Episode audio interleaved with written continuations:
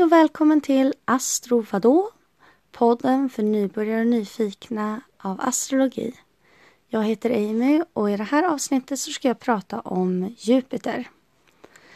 Jupiter är um, en himlakropp uh, som tar 12 år att gå igenom zodiaken. Dess symbol ser lite grann ut som en fyra, tycker jag, när man tittar på hur den ser ut i eh, ens chart. Eh, den är eh, den är ihopkopplad med stjärntecknet Skytten i modern astrologi och det nionde huset. Jupiter ehm, är... Där Jupiter står är där vi i vårt liv känner en, en förmåga att kunna expandera och att kunna uppleva mer. Att kunna fördjupa oss och eh, där vi känner en stor törst efter någonting på ett upplyftande optimistiskt sätt. Jupiter är ihopkopplat med utbildning, längre resor, äventyr, religion och spiritualitet till viss del. Den är... Eh, man brukar säga att Jupiter, där den står, är där man har mest tur i livet.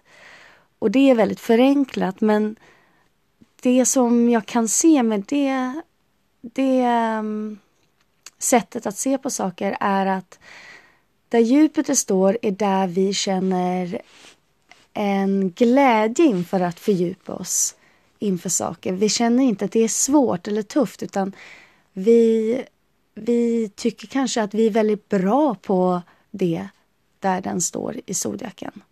Vi kanske känner att, att vi kan inte få nog av det som är där utan det ger oss fortsatt glädje och det är någonting vi vill ha mer av. Um, dess position ger oss en känsla av där eh, vi vill söka mer. Söka efter eh, mer av allting, kunskap. Om man tänker på det. Jupiter i vårt solsystem är ju den största planeten. Den är asstor. Den är större, alltså den är by far mycket större än de andra planeterna i våra stjärn, i stjärnhimlen eller vad man ska säga, i solsystemet. Och eh, det är lite så som, den, som man kan tänka kring den i astrologin också. Den står för att ta plats. Den belyser verkligen positionen den har så att vi känner att vi ser det, vi vill se mer av det, vi vill ha, vi vill eh, växa inom det. Det är verkligen en eh, position där det handlar om att ett, ett sug efter att växa kring det. Det kallas oftast ja, en lyckobringare. Den kallas för den stora lyckobringaren. Um, inom, äh, inom astrologin.